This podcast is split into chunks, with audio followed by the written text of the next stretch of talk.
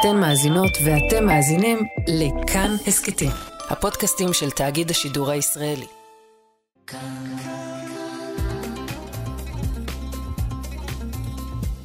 כאן תרבות.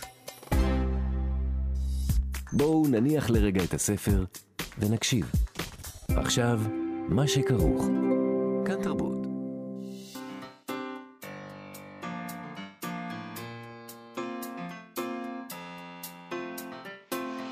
שכרוך. עם יובל אביבי ומה יעשה לה. שלום, צהריים טובים, אנחנו מה שכרוך, מגזין הספרות היומי של כאן תרבות. אתם מאזינים לנו ב-104.9 או ב-105.3 FM. אפשר גם להאזין לנו כהסכת באתר, באפליקציה של כאן ובכל יישומוני ההסכתים. איתי אשת איתנו על ההפקה, על הביצוע הטכני, אהלן נדיונוב.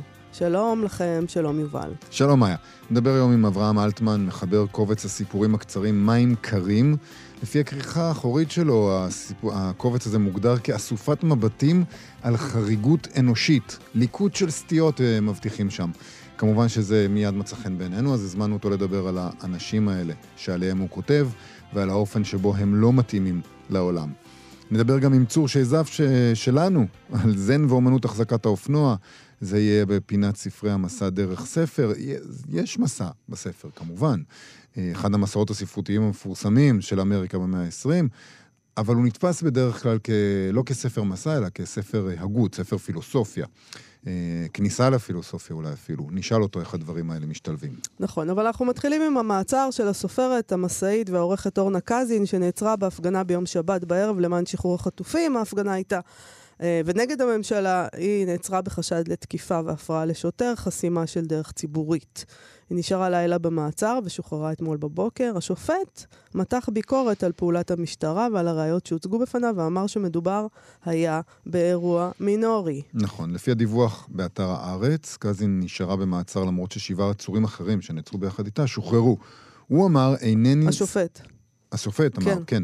אינני סבור שהראיות שבפניי מצביעות על תקיפת שוטר בעוצמה כזו המבחינה בינה לבין החשודים האחרים. אז אולי כולם צריכים להשאיר אותם במעצר. יכול להיות, אבל אי אפשר... זה לא אומר שצריך לשחרר אותה דווקא. אי אפשר uh, ככה חלק וחלק, mm. זה מה שבטוח. אוקיי. זה נראה לא להצ... טוב. להחזיר את כולם. תעצרו אותם. כלל בני האדם בישראל. לא, את אלה שהיו שם ושוחררו. קזין היא אשת ספרות מוערכת מאוד, שגם מנחה סדנות כתיבה. ברשתות החברתיות התייחסו למעצר הזה כסימן מדאיג בהידרדרות אה, ביחס לאנשי הרוח במדינה. הם הזכירו מדינות שבהן רודפים דווקא את אנשי הרוח, ההוגים והכותבים. כמובן, אין שום הוכחה לזה שאורנה קזין קיבלה יחס שונה בגלל שהיא אשת ספרות, אשת הגות, או, או גם אין הוכחה שהשוטרים בכלל ידעו מי היא. יובל, ברצינות עכשיו, בינינו. כן. מה הסיכוי שהם ידעו מי? אין סיכוי. בחייאת, תודה. בין הספרים שכתבה קזין, גם ספר מסות בשם איך להתנגד. וככה היא כותבת שם, בכנסת אין אופוזיציה והמחוקקים עומדים לפרק את הרשות השופטת ואת יסוד ביקורת השלטון, והעיתונות נדמית פעמים רבות כמתענגת על הדרמה, זה אנחנו, על האקשן. ובקרב השמאל פושה ייאוש, כביכול אין מה לעשות, זהו המצב הדמוגרפי, זו דרכו של עולם. ובכן, דווקא עכשיו, אני יודעת, גם אני, אזרחית שאינה אקטיביסטית, שנהנית כל השנים מחסות הפעילות של אחרים, לא יכולה עוד לנמנם. חובתי להתעורר, וחובתי להתנגד. כיצד אה, אצליח להשפיע? איך אוכל לעשות זאת? אני, שאיני מארגנת הפגנות, שאינני מנהיגה פוליטית. מה עליי לעשות בשביל הבנות שלי? בשביל בת זוגי? בשביל אמי? בשביל שני האחים שלי, בשביל חבריי, בשביל הסטודנטים והסטודנטיות שאני פוגשת באקדמיה, בשביל המשתתפים והמשתתפות בסדנאות הכתיבה, בשביל העיר שלי, תל אביב, שאני אוהבת, בשביל המדינה שלי, בשביל הסיכוי שתהיה טובה דייה. טובה דייה זה מעניין. כמו אימא טובה דייה? כן, mm. אני מאמין שזה ציטוט של אה, וניקוט. אוקיי. ב- בארגון מחאת הסופרות והמשוררות והסופרים והמשוררים מחו על מה שהם כינו מעצר שווא, וכתבו, במקום שבו אוסרים סופרות, נמצאים ערכי הדמוקרטיה בסכנה. שוב, זה מניח, זה מניח איזושהי כוונה, זה מניח איזו ידיעה שמדובר בסופרת, mm-hmm. הדבר הזה. כי אם, אם סופר הולך להפגנה ועוצרים אותו בלי שיודעים מי הוא, אז זה לא נראה לי נחשב כמעצר סופר. לא יודע, זה עניין פילוסופי, זו שאלה שצריך להרהר בה. בכל מקרה, הם, הם שלחו הודעה וכתבו כך: אנו, חברות וחברי מחאת הסופרות והמשוררות אה, רואות בחומרה מעצר שווא זה. הנה, גם אני הסתבכתי, מה היה עם, ה, עם אי הזכר אפשר עם זה, ונקבה. אי אפשר עם זה, אני. מצטערת. תתייחסו כאילו... יש שפה, ויש לה חוקים, ואנחנו, ואני בעד החוקים האלה, ויש זכר, ויש נקבה, וככה זה בחיים, ולפעמים אתם פשוט צריכים להתמודד עם זה, שזה אני- ככה. אני אקרא פעם בנקבה, כי אתמול בבקשה, קראנו בזכר. ברור, ברור, רק בגלל זה. אנו חברות מחאת הסופרות המשוררות רואות בחומרה מעצר שווא זה. אמ, השוטרים לא היו יכולים לדעת מראש שהם עוצרים סופרת. ועורכת בחירה, הנה, הם אה, מודים בזה. Mm. אך עצם הניסיון לייחס לתקיפת שוטר וכליאתה למשך לילה בנווה תרצה הם מעשי עוול. למה, תפקיד- למה עצם הניסיון לייחס לה, אגב, זה מעשה עוול? כלומר, באופן עקרוני, למה? כי היא אישה, ואישה לא יכולה לתקוף שוטר? כי זה נשמע לי אמירה מאוד לא פמיניסטית. תראי, אני... כן, אנחנו גם יכולות לתקוף שוטר. נכון, תכירו בזה. אני חושב שמה שהם אה, אומרים זה שהיא לא תקפה את השוטר. אה. אני לא יודע מה קרה שם. הבנתי. אני ראיתי תמונות שבהם... לא, זה- אבל הם לא אומרים שהיא לא תקפה, הם אומרים עצם הניסיון לייחס לה. אוקיי, תמשיך. מה עוד הם אני אומרים? מרגיש שאת גוררת אותי לתוך עניין משפטי, שבאמת אני מבין בזה אפילו לא, לא, פחות מבספרות, אין לי כאן שום עניין משפטי. ואני אגיד משהו, ואז יגידו לי, אה, הלו, זה לא זה. טוב, אז תגיד מה, הרבה פעמים צ- לכאורה, צריך. צריך הרבה כדי להכשיל אותי בלשוני, אנחנו מכירים כבר כמה שנים, אני לא עושה את זה טוב מספיק לבד. אוקיי, אז אני אשתוק. בבקשה. תפקיד המשטרה, הם אומרים, לשמור על הסדר הציבורי, זה נכון, הנה, עם זה אני מסכים, לאפשר לציבור לממש את זכות ההפגנה, מעצרי שווא כאלה וייחוס שקרי של אלימות נגד שוטרים למפגינה ערכית, כלת פרס ראש הממשלה לסופרים לשנת 2019, מראה את הכשל הערכי והמוסרי העמוק שמשטרת ישראל נקלעה אליו, זה מה שהם אומרים במקום... מה הם חושבים, שסופרים כאילו הם אנשים ערכיים? זה מה שהם אומרים? זה ממש מפתיע. לא, גם מה קשור? מה... אה, סליחה רגע. אוקיי, אה, לא, אמרתי רגע, שאני אני לא אפריע לך. לא, לא, זה בסדר, לא. חתן פרס אה, ראש הממשלה. כן. גבר. כן. לצורך העניין, או אישה, לא משנה. נו. לא יכול לתקוף שוטר רק בגלל שהוא קיבל פרס ראש הממשלה? יכול, ת, פיזית. אני לא מבין, אבל בסדר, הם אומרים שזה כשל מוסרי. אוקיי. אה, במקום שבו אוסרים סופרת ומפגינה כאורנה קזין, הם אומרים, נמצאים ערכי הדמוקרטיה בסכנה. אנו, סופרות וסופרי ישראל, מחזקים את ידיה של אורנה, לא נראתה מהשמעת קולנו. אה, נגד ממשלת המחדל, הם אומרים, ולא נחדל מלקרוא להחלפתה, יפה מאוד. אני רוצה להגיד שזה לא קשור, אה, אה, כשיש אנחנו צוח, כאילו קצת צוחקים על זה, אבל כשיש כל בן אדם שמפגין ונמנעת ממנו זכות ההפגנה, או נכון. שמאשימים אותו בהאשמות שווא, או ששוטר אה, פועל נגדו באלימות שלא לצורך, זה לא בסדר. זה לא קשור, זה, זה נכון. פגיעה בערכי הדמוקרטיה. לא, אבל כאילו אם היה שם נגיד אה, עמוס עוז, עליו השלום, זה דמות שמכירים. את חושבת שהשוטרים היו מזהים אותו? ו- כן. אני לא יודעת, האמת, אולי.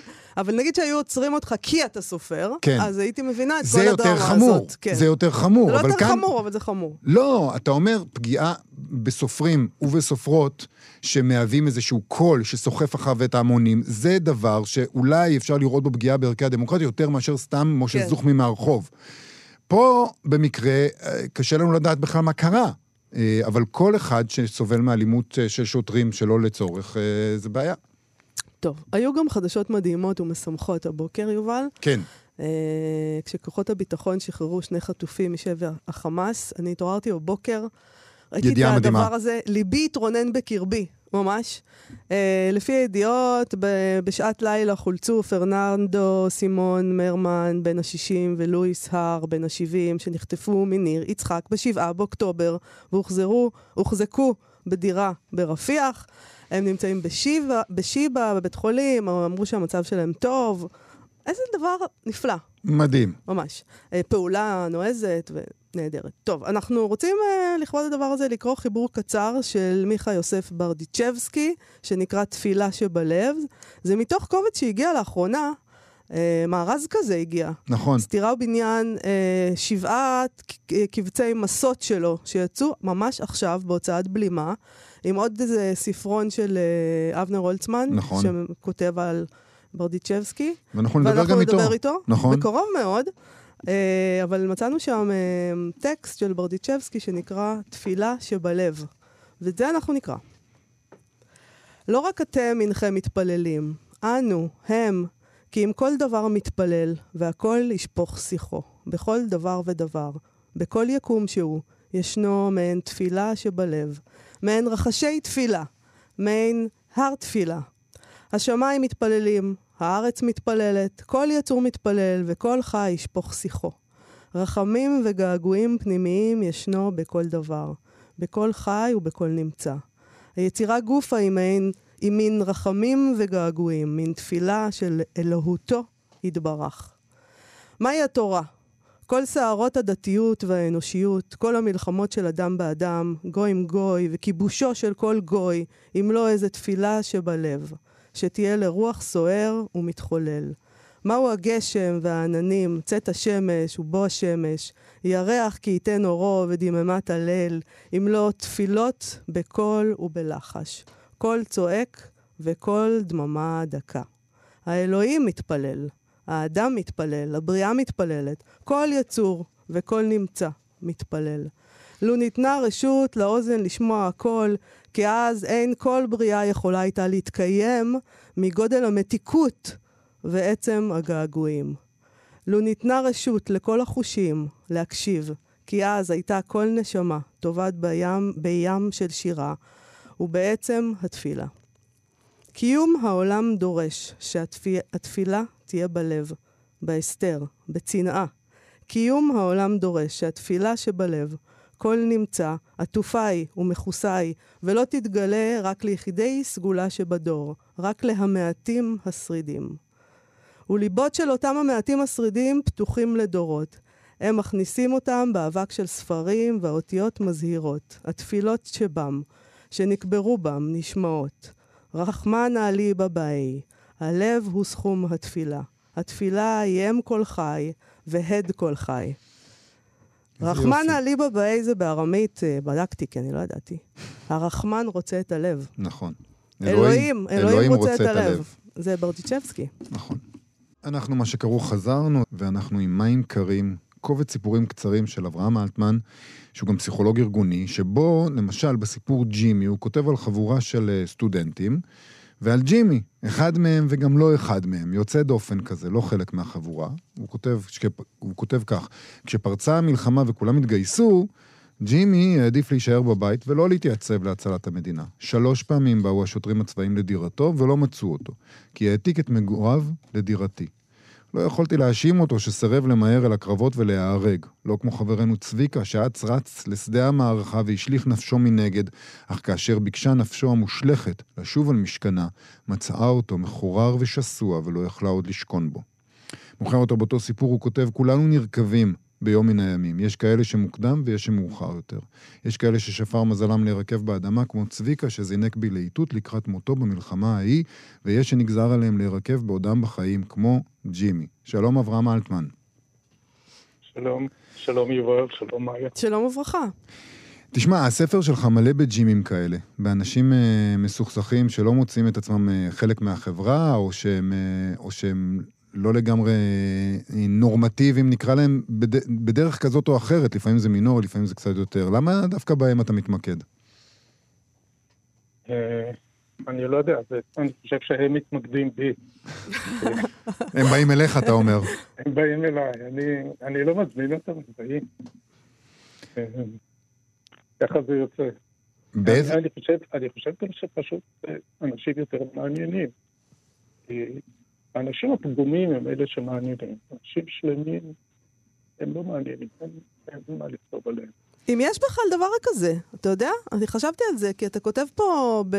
יש, יש לך סיפור שנקרא מחזור מאי, שפה יש אה, אדם שחוזר אל אה, הזיכרונות שלו מה, מהצבא, מהמלחמה, מיום כיפור, וכל האנשים שנהרגו מסביבו, שאת כולם הוא מתאר את המגרעות שלהם. זאת אומרת, בניגוד לדבר הזה שאנחנו אומרים תמיד לוקחים את הטובים ביותר וכל מיני דברים כאלה. עכשיו, מה זאת אומרת המגרעות שלהם? פשוט אנשים, בני אדם, שאתה יודע, ההוא לא הצליח לסיים את מסע 80 קילומטר וכל מיני דברים כאלה.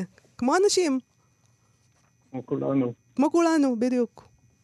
כן, כן ככה זה. אתה חוזר... אני... כן. כן.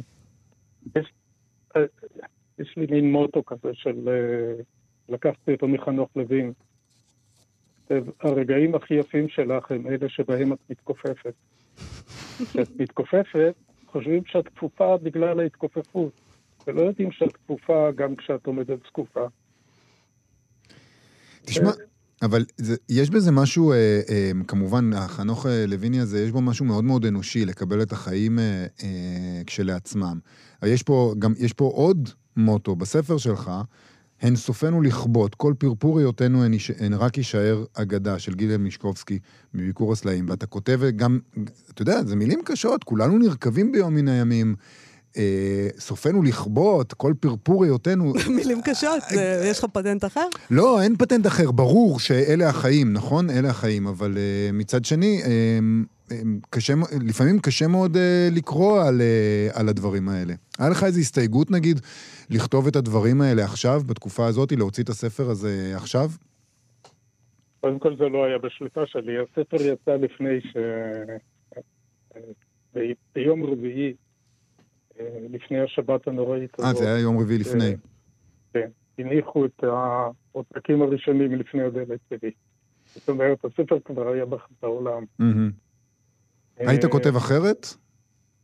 אני לא חושב שהייתי כותב אחרת. אני לא יודע להגיד. אולי.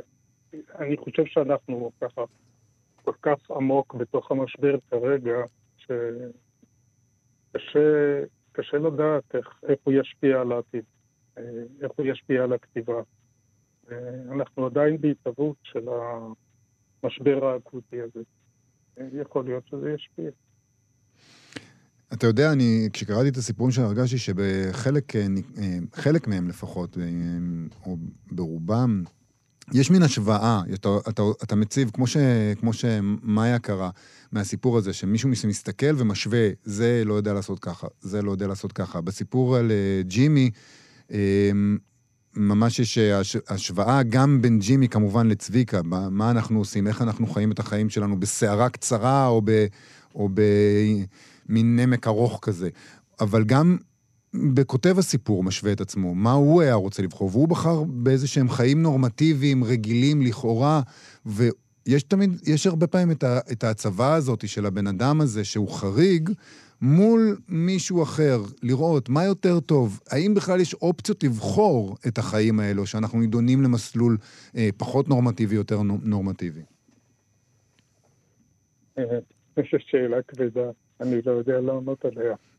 אה, אני חושב שבסיפור הזה של ג'ימי, אה, הוא, הוא מייצג את, ה, את, ה, את האפשרות היותר מעניינת. אה, כאילו, ללכת במסלול הסלול, הידוע מראש, זה, זה, זה אפשר לעשות בקלות. זה, זה מה שאני עשיתי. אם פה יורשה לי וידוי קצר, כן, אתה היית אה, פסיכולוג ארגוני והתחלת לכתוב רק כשיצאת לפנסיה. אז זה בעצם המחשבות שלך על עצמך? אה, בחלקם הן מחשבות שלי על עצמי, כן. אה, בחלקם אני גונב מחשבות של אחרים. כן, אני, אני, אני כזה, אני, החיים שלי, במזלי, הם משעממים במובן, במובן הטוב של המילה. זאת אומרת, לא קרו לי דרמות גדולות במיוחד. טוב, אולי הדרמות האלה קורות לך במקום, אה, במקום אחר שיוצא אחר כך אה, בסיפורים. לא, אבל אתה מצטער על זה שלא התחלת לכתוב למשל קודם לכן, או לפרסם לפחות? אני כתבתי כל הזמן, אבל כתבתי כתיבה עיונית. ולא לא היה לי, לא הייתה לי פניות לכתוב פרוזה. אני גם לא ידעתי שאני יודע לכתוב פרוזה. זה פשוט קרה יום אחד. ככה ממש לקראת הפרישה שלי, חברה אמרה לי שהיא הולכת לכתוב עכשיו ספר מתח. אז אמרתי, וואלה, אולי גם אני יכול. והתחלתי לכתוב. אבל לא יצא ספר מתח. אה, הספר הראשון היה ספר מתח, כן. אה, הראשון, אוקיי. הספר הראשון שלי, קריסה, היה כן, ספר מתח. כן. אה, ואחרי שהוא התקבל לפרסום, אז אה, אני אמרתי, רגע, אבל אני לא יודע לכתוב, אני לא יודע, לא יודע כלום על כתיבה. אה, לקחתי אה, סדנת כתיבה ונפלתי. נפלתי, לסד... נפלתי להתמכרות לסדנאות. מים קרים, אברהם אלטמן יצא עכשיו בהוצאת פרדס. תודה רבה לך על השיחה הזאת. לא דבר. עכשיו, דרך הספר. שמענו את הראל ליסמן, אנחנו מה שקראו, חזרנו אל זן ואומנות, החזק, החזקת האופנוע. שזה, אה, מה זה, זה קלאסיקה. אחד מהספרים המשפיעים של המאה ה-20, שמבוסס על המסע של המחבר שלו, רוברט פירסינג, שבו הוא כותב בתחילת אחד הפרקים ככה: שוב אנחנו בחוץ, בעמק, ויריעת השמיים עדיין תחומה בצוקים שמשני עברי הנהר, אם כי הם קרובים זה לזה, וקרובים לנו יותר משהיו הבוקר. העמק הולך וצר ככל שאנחנו מתקרבים אל מקור הנהר. וגם מבחינת הדברים שאני דן בהם, נמצאים אנו במעין נקודה התחלתית, שבה אפשר סוף סוף להתחיל לשוחח על אודות סטייתו החדש של פידרוס, מהכיוון השגור של החשיבה הרציונלית, מתוך רדיפה אחר רוח הרפאים של השכליות עצמה. אז היום בפינה של צור שייזף, התאילן הסופר הנודד, דרך ספר, ננסה להבין את המסע הפיזי שהוא עושה ואת המסע השכלי שלו. שלום צור שייזף. שלום מאיה, שלום יובל. שלום, שלום. זן ואומנות החזקת האופנוע. כן, אין איזה ספר מורכב, לא קל, מרתק. קראתי אותו פעם ראשונה כשהייתי בן 18, מאוד התרשמתי. לא הבנתי כלום. אחרי זה ניסיתי לגשת אליו בערך בגיל 30 באיזה תקופת מילואים, קראתי קצת, שמתי בצד, אמרתי, אולי לא כל כך מעניין. ועכשיו, בעיקר בגלל השיחה שהייתה בין אוריאל קון לדני צסר הבמאי, בפייסבוק, שדני ניסה להבין אה, מה זה ספר טוב, ואז אני ציטטתי אה, מתוך אה, הספר של פירסי, שאיכות, או זה לא דבר שאתה יכול בעצם למדוד אותו, אבל כשאתה עומד מולו, אז אתה יודע מה היא. כן. והספר הזה הרי דן בנושא של האיכות, ואמרתי לי, או רגע, רגע, רגע, מזמן לא קראתי את הספר. לקחתי את הספר, קראתי אותו מההתחלה ועד הסוף. והבנת הפעם? אה, אני חושב שכן. אני חושב שכן. אני חושב שהספר הזה, אה, יש בו מסע פיזי, אה, ויש בו... אה, כמה מסעות, זאת אומרת, אם גם בפעם הקודמת דיברנו על זה שספר מורכב, יכול להיות מורכב מכמה מסעות, אז הספר הזה של פירסינג, אז קודם כל ככה, פירסינג נוסע פחות או יותר בגיל 45, הוא יוצא למסע עם הבן שלו, קריס, בן התשע, כשבעצם מי שיושב לו על הכתף זה הדמות שהוא היה, אה, שקורא פיידרוס, על שמו של הפילוסוף, או על שמו של הדיאלוג שאפלטון מספר עליו ועל אה, סוקרטס שהם הולכים ודנים במה זאת אהבה ומה זאת האהבה הראויה. ותכף אני אגע בעניין הזה. אה, והוא האיש שהיה, זאת אומרת, כי, כי גם פירסיק בעצם, הוא מספר כאילו סיפור חייו, היה פילוסוף שחתר, בעצם הוא חתר לתוך המושג הזה של, של האיכות, ובשלב מסוים הוא פשוט משתגע. משתגע, הבית שלו מתנפץ, הוא נזרק מאוניברסיטה, מגיע לבתי משוגעים, הופך להיות כאילו, כאילו הופך להיות אדם מהיישוב, נכנס, יוצא, ובסופו של דבר כותב את הספר הזה, אמ, שבאמת מצליח מאוד מאוד באמצע שנות ה-70. אני חייב להגיד שאני לא בטוח שרוב מי שנורא התלהב ממנו, הבין ממה הוא מתלהב. אבל אני, לא, אני אומר, אני אומר את זה בהערכה עמוקה לספר ובהערכה עמוקה לאלה שהתלהבו ממנו, למרות שהם לא הבינו עד הסוף ממה הם מתלהבים. עכשיו, חוץ מהמסע הפיזי הזה, הם נוסעים גם על אופנוע. עכשיו, אה, צריך להבין מאיפה הדברים האלה באים. כי יש פה גם מסע פילוסופי שמתחיל מהיוונים והולך בעצם עד לימינו, והמסע הזה הוא מסע מרתק. אני חושב שזה אחד מהספרים הספורים שניתן אה, אה, להגיד עליהם שהם היסטוריה פילוסופיה של המדעים, ובאמת זה היסטוריה פילוסופיה של, ה, של, ה, של הפילוסופיה אפילו, אה, של המחשבה האנושית, ואני רוצה לי, לי, להתמודד פה עם כמה דברים. כי הוא, הוא מתחיל את המסע הזה, ב, הוא נוסע עם זוג חברים. וזוג החברים הם הפוכים ממנו. אה, פירסיג יודע כל אה, בורג מה, אה, איפה הוא נמצא באופנוע שלו, הוא מקשיב לכל קול שלו, הוא יודע איך לנסוע עליו, הוא יודע גם לפרק אותו ולהרכיב אותו ולטפל בשרשרת ולשים לב לכל משב רוח ודבר שעולה, ובתוך זה לנוע בתוך הנוף. החברים שלו קנו אופנוע, ג'ורג' קנה איזה אופנוע כמו בן ונהדר שעלה לו כך וכך דולרים, אבל אם הוא ינסה להדליק אותו ויציף את המנוע בגלל שהוא לא מבין שהוא מציף את המנוע והמנוע לא ידלק, אז הוא אומר, איך מכרו לי את הג'אנק הזה ב-1400 דולר, 1400 דולר, מדברים על 1974, זה בטח סדר גודל של 40 אלף דולר של היום, ו, בעצם המכונה הזאת פאר המחשבה הגרמנית, מי שמכיר אופנועי ב.מ.וו יודע שזה אופנועים שהם, אתה יכול לעשות מה שאתה רוצה, אה, חוץ מאשר אולי לזרוק אותם מראש הר למטה, והם ייסעו. עכשיו, מפה מתפתח איזשהו, איזשהו רעיון, ופה מתחיל בעצם, הוא בונה את הרעיון שלו. גם המסע, לכן אני אומר, המסע הוא לא רק מסע פיזי מחוף לחוף לצורך העניין, אלא הוא גם מסע מחשבתי מאוד מאוד מרתק. הוא אומר, הוא לא אומר את זה בדיוק, אבל הוא כותב, הוא אומר, ג'ורג' שייך לעולם הרומנטי. מה אומר העולם הרומנטי? אני מסתכל על אובייקט ואני אומר, אני רואה אותו כמו שהוא, זה אופנוע. אני, אני לא מבין אותו, אני לא רוצה לדעת מה יש בתוכו. זה מלחיץ אותי לחשוב את המחשבה הזאת. אני לא רוצה להשקיע בזה איזושהי מחשבה. אני דוחה את המחשבה שיש לי איזשהו כישרון מכני שאני יכול ללמוד את האופנוע הזה.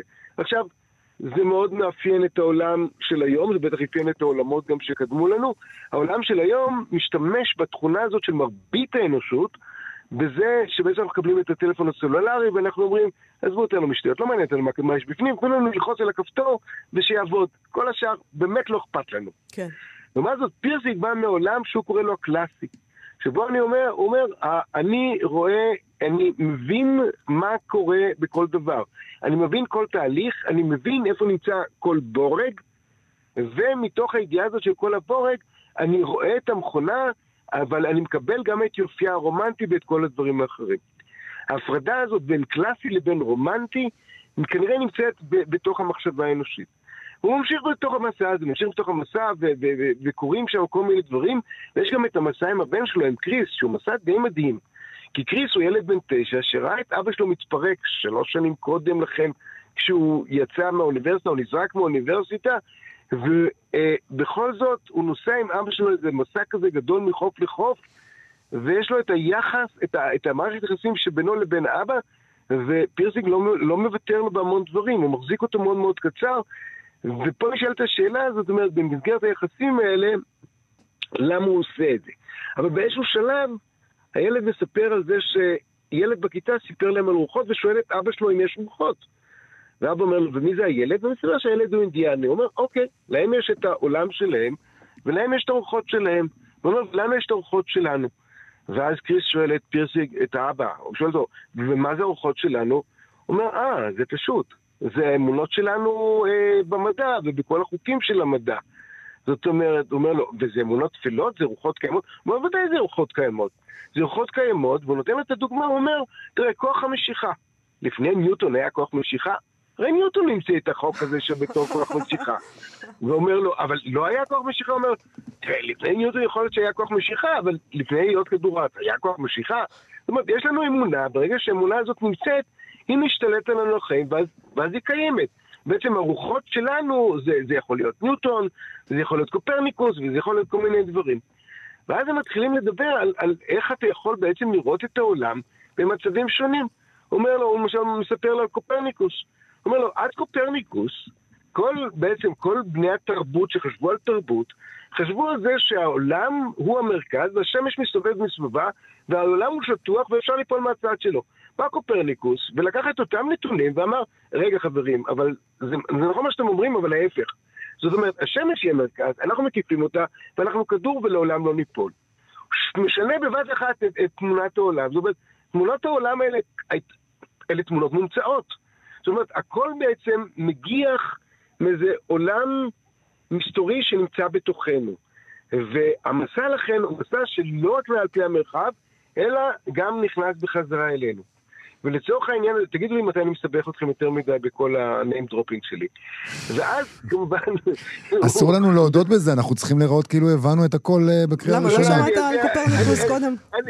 אני רוצה להגיד שבאמת, לא, אחד הדברים היפים בספר הזה, שכדאי שתבין משהו גם על, על הרקע הכללי של עולם הפילוסופיה והמדעים, כי הוא מלא בדברים כאלה, ואם אתה רוצה אפשר למצוא עוד דוגמאות. כי בתוך העולם הזה הוא מתחיל לחפש בעצם מה זה, מה זה הנושא של האיכות.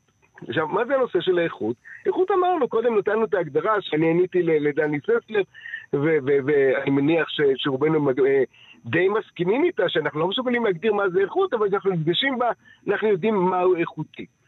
אה, אבל הוא אומר, רגע, אז מה זה איכות? אוביק, זה, זה, זה, זה דבר אובייקטיבי?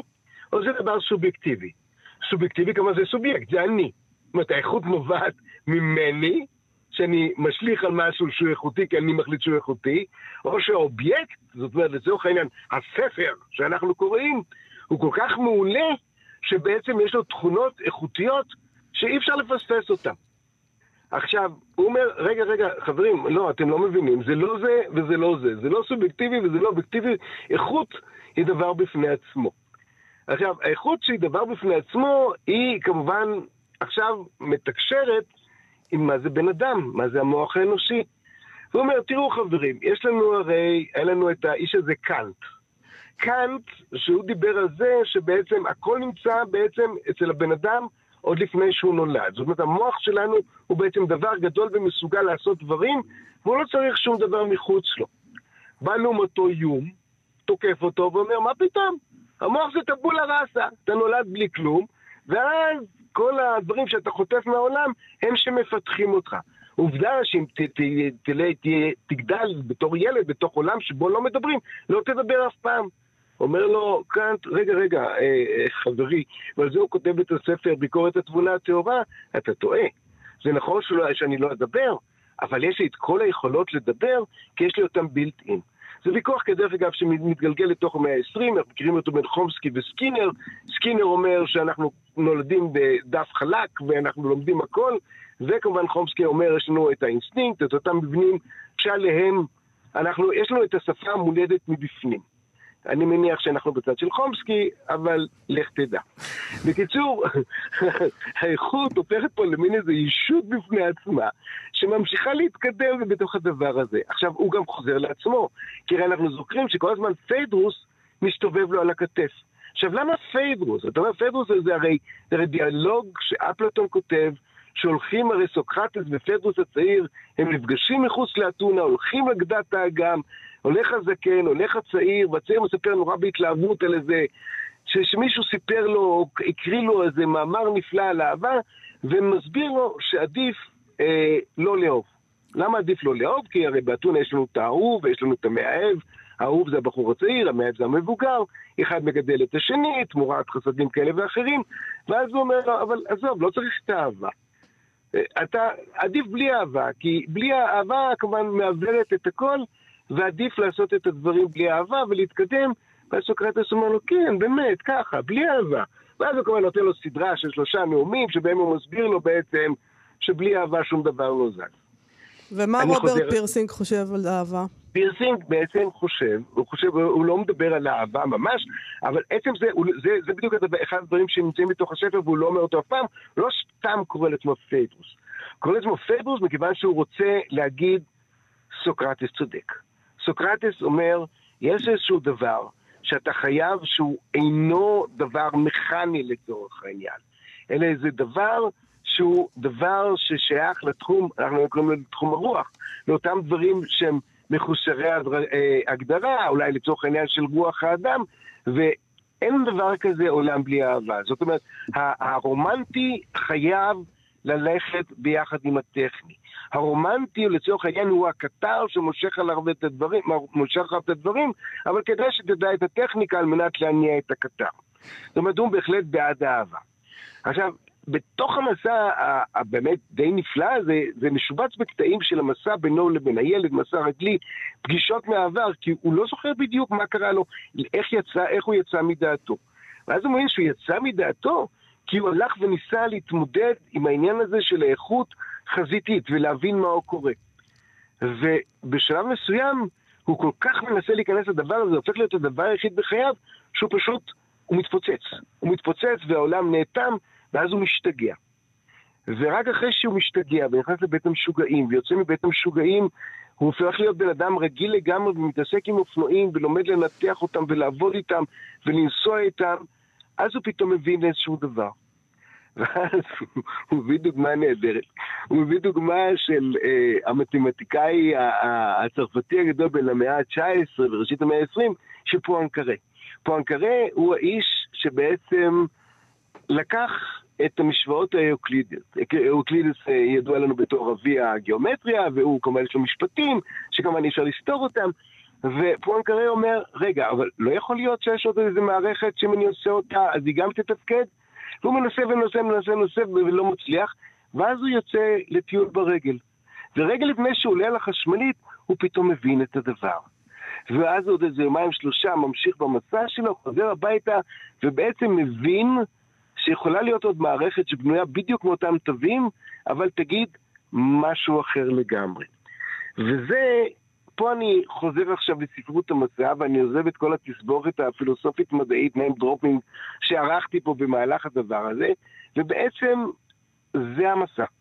המסע הוא, ברגע שאתה נכנס ל-dead end, לנקודה שאתה לא יכול להתקדם ממנה, שאתה לא מסוגל לפתור אותה, תניח את הכל בצד, קח את הרכב שלך וצא לדרך. איי איי איי, כן. זה עצה טובה. אני שומעת אותך. זה עצה טובה. תגידו לי אם יש לי עוד דקה או שאני... יש לך עוד דקה. עוד דקה, כן. אוקיי. אני רק רוצה להוסיף עוד דבר. במהלך חייו פירסינג נוסע למזרח והולך לאוניברסיטה ההינדואית של ורנסי ולומד שם ומנסה להבין את הסיפורים אה, של ההודים. ואז המלומד ההינדואי אה, מנסה להסביר, להבין את העניין הזה של ההתכנסות. זאת אומרת, העניין הזה של העולם קיים מבפנים, לא, אין, אין עולם חיצוני. ואז הוא אומר לו, רגע, פירסינג שואל את המלומד ההודי, אומר לו, אז לא הייתה אה, פצצת אטום בהירושימה? הוא אומר לו, לא, לא הייתה. עכשיו, אתה אומר לעצמך, זה הגיוני? והוא טוען שהוא יוצא משם והוא, והוא, והוא לא, לא לוקח שום דבר מה, מהמתודה ההינדואיסטית הזאת שאומרת, נעזוב את הכל ובעצם נתרכז רק בתוכנו. אבל בסופו של דבר הוא כן מבין את המתודה הזאת, כי הוא בהחלט מדבר על כל הנושא של מדיטציה וויפאסנה, שבה מה אנחנו עושים? אנחנו חוסמים את העולם מבחוץ, מתרכזים רק בתוך מה שיש בתוכנו, וכבר דיברנו על זה שכמו שאמר לנו עמנואל קאנט, הכל נמצא בפנים, הכל כבר יש בפנים, ואנחנו מקשיבים רק לעצמנו. עכשיו, יותר מזה, מכיוון שהעולם, אנחנו זה העולם. זאת אומרת, זה, זה גם נקודה מאוד חשובה שפירסינג מדבר אליו.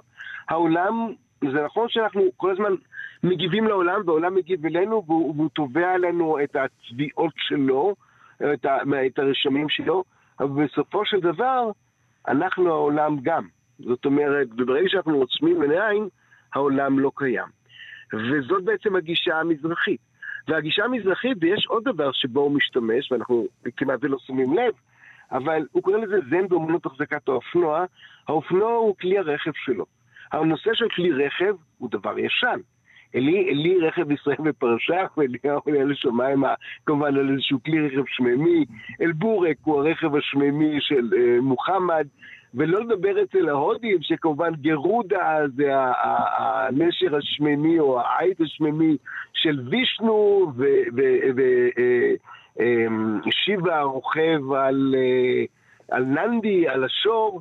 וכמובן גם לשלח בר. זאת אומרת, לכל אלה יש כמובן את הרכב שלו שלוקח אותו לכל מקום. אז אני צריכה בעצם אומרת... ללמוד איך אה, האוטו שלי עובד ואיך אני יכולה לתקן אותו בעצמי כדי להשלים את המעגל הזה, שאני לא רק נכנסת לאוטו ונוסעת כשאני תקועה.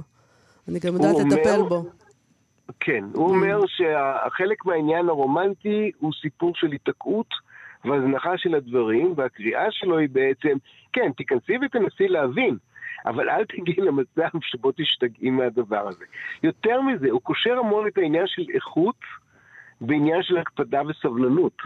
הוא חושב שכשאתה מסתכל על משהו, כשאנחנו, אחד מהמדדים שלנו, כשאנחנו מסתכלים על עבודה של מינו ואנחנו רואים שזו עבודה מאוד מוקפדת ומאוד טובה ומאוד מדויקת, אז אנחנו נותנים לה תווית של איכות. ככה אנחנו יודעים שזה איכותי.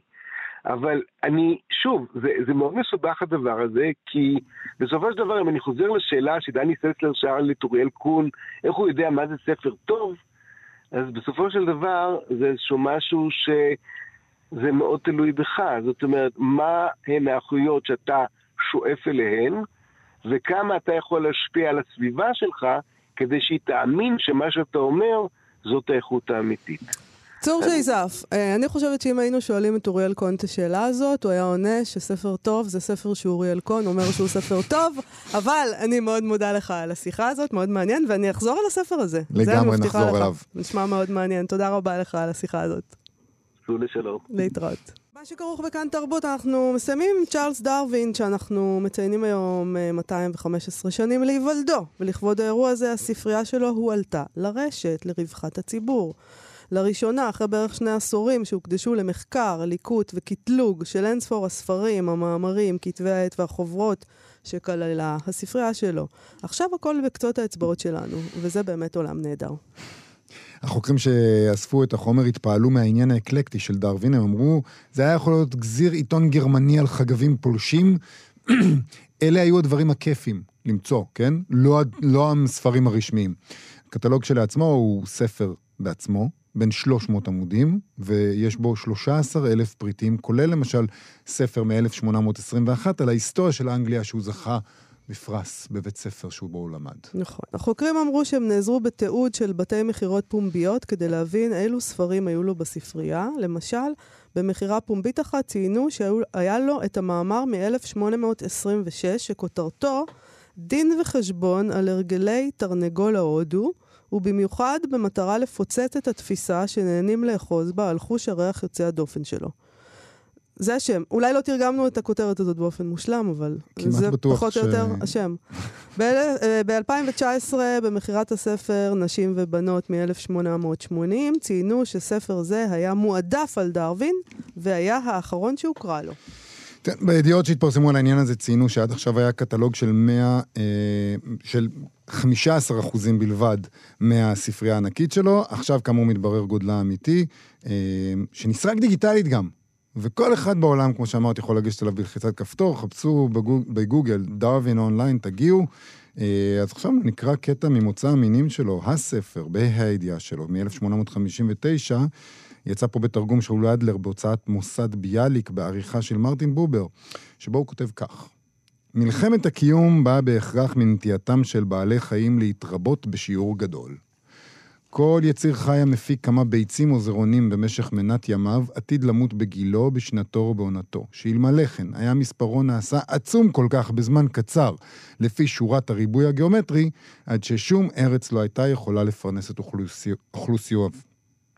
ומפני שמספר הנולדים גדול הוא מן מספר, מן המספר שיכול למצוא מחיה, אין מפלט ממלחמת קיום בשום מקום. מלחמת יחיד בחברו בן מינו, או ביחידים שאינם בני מינו, או בתנאי החיים החומריים. אין מפלט ממלחמת הקיום בשום מקום. נכון. אנחנו uh, מסיימים עם דרווין בעצם. כן, uh, מסיימים להיום. בעצבות מסוימת, אבל זה יום... Uh, שוחררו שני חטופים. זה נכון. אפשר גם קצת לשמוח, אנחנו מסיימים עם הדבר הזה. Uh, תודה רבה לאיתי אשת על ההפקה, ולאלנה נדיונוב על הביצוע הטכני. בואו לבקר בעמוד הפייסבוק שלנו. אנחנו נהיה פה שוב מחר. להתראות. אתן מאזינות ואתם מאזינים לכאן הסכתים, הפודקאסטים של תאגיד השידור הישראלי. אתם מאזינים לכאן הסכתים, הפודקאסטים של תאגיד השידור הישראלי.